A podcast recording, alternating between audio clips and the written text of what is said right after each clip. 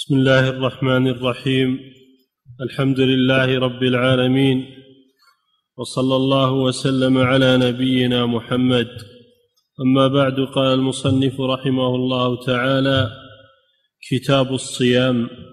بسم الله الرحمن الرحيم. الحمد لله رب العالمين. صلى الله وسلم على نبينا محمد وعلى آله وأصحابه أجمعين. قال رحمه الله كتاب الصيام. لما فرغ من الأركان الثلاثة التي هي الشهادتان والصلاة والزكاة.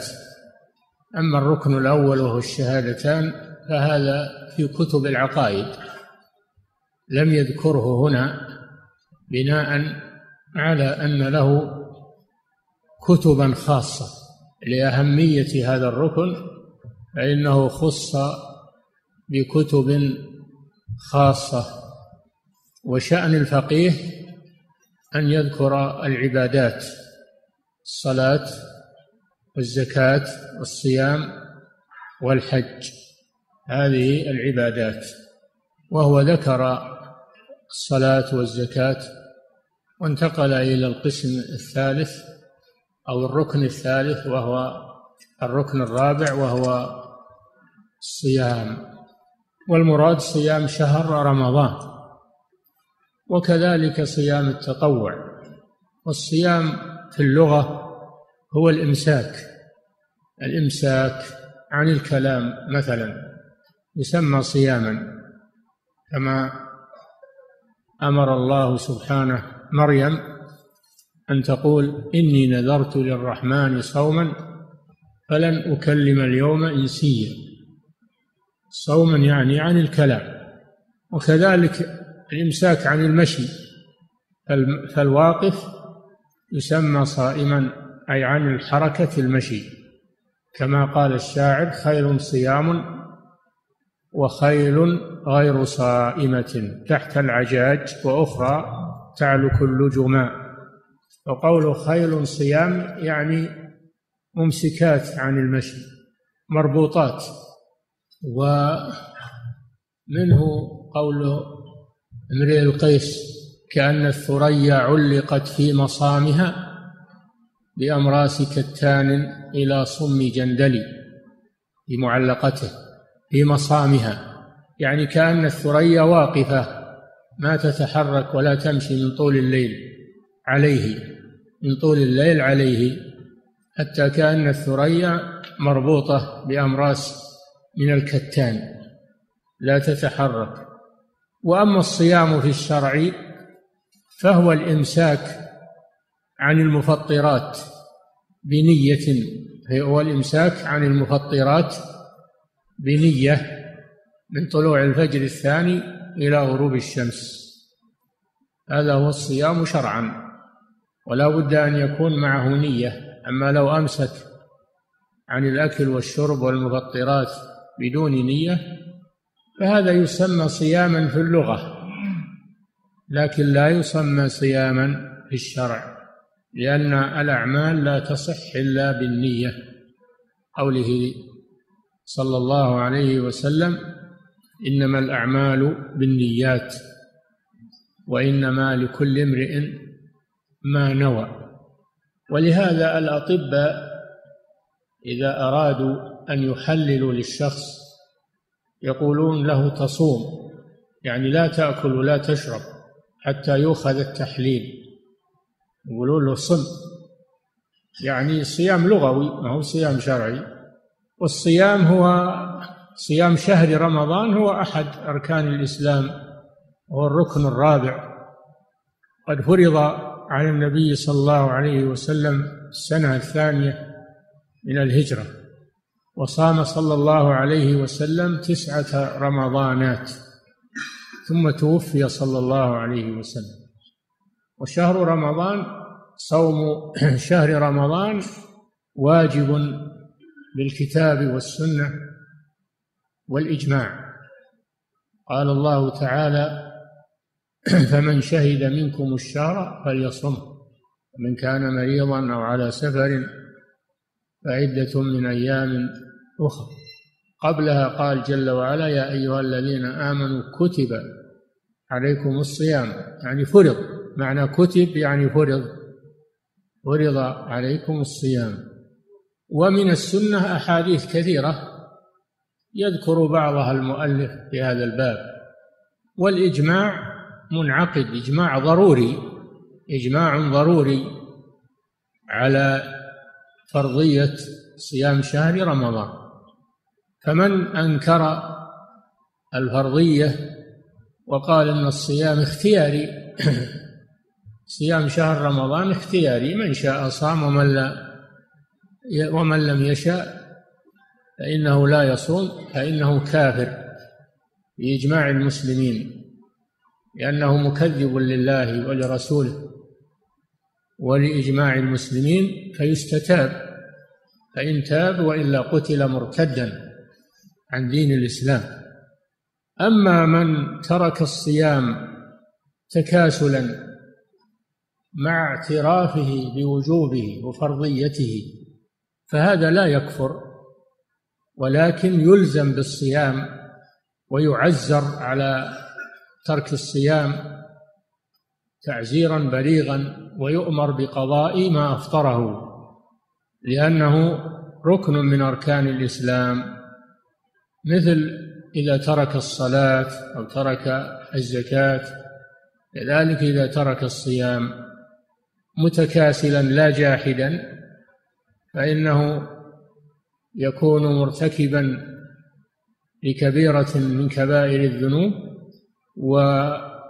ويلزم بالصيام ويعزر إذا أفطر بغير عذر يعزر بما يردعه. نعم.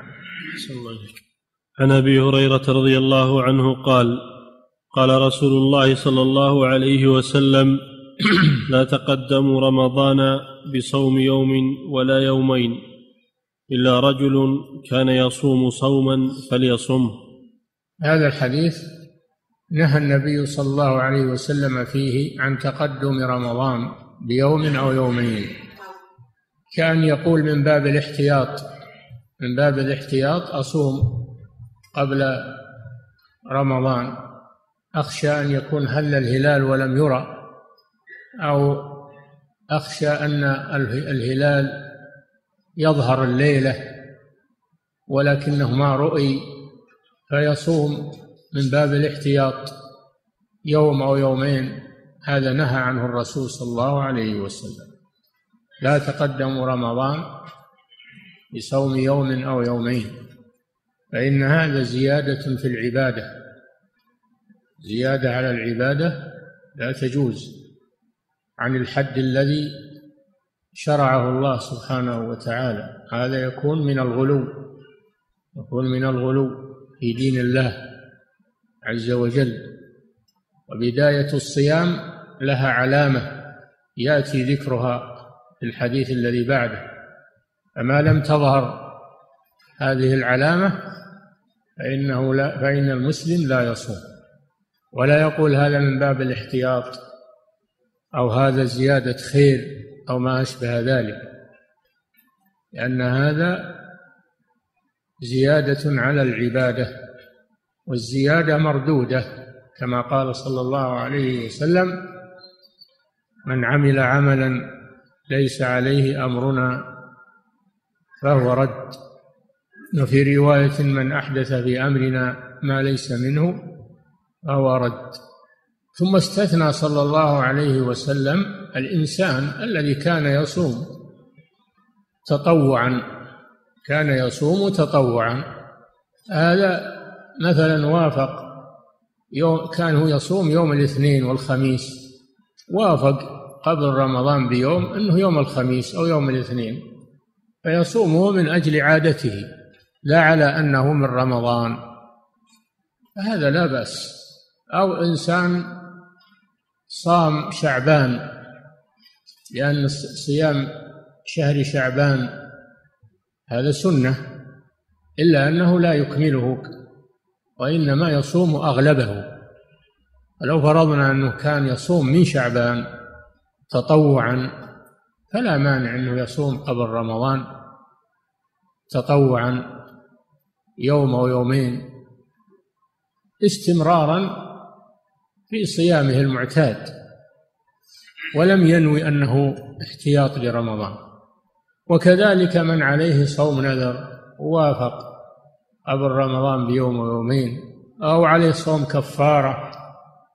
وصام قبل رمضان بيوم أو يومين للكفارة. فلا مانع. الحاصل أنه إذا صام قبل رمضان بيوم أو يومين لا على أنه تقدم لرمضان فلا بأس. سواء كان هذا الصوم واجبا كالكفارة أو النذر أو كان تطوعا. لا حرج عليه في ذلك. قال صلى الله عليه وسلم إلا رجل له صوم يصومه يعني إنه لم يقصد بصومه قبل رمضان التقدم على رمضان وإنما قصد الاستمرار في صيامه الذي كان يصومه من عادته. فهذا الحديث فيه دليل على النهي عن الزيادة العبادات الزيادة في العبادات عن الحد المشروع أنه لا يجوز أن يزاد في العبادة في العدد ولا في الكيفية وإنما تؤدى العبادة على الحد الذي شرعه الله سبحانه وتعالى. المسألة الثانية دل الحديث على إباحة الصيام قبل رمضان بيوم أو يومين لمن لم يقصد تقدم رمضان وإنما يصوم على ما كان قد اعتاده من صوم التطوع أو من صوم الكفارة أو النذر. لا بأس بذلك.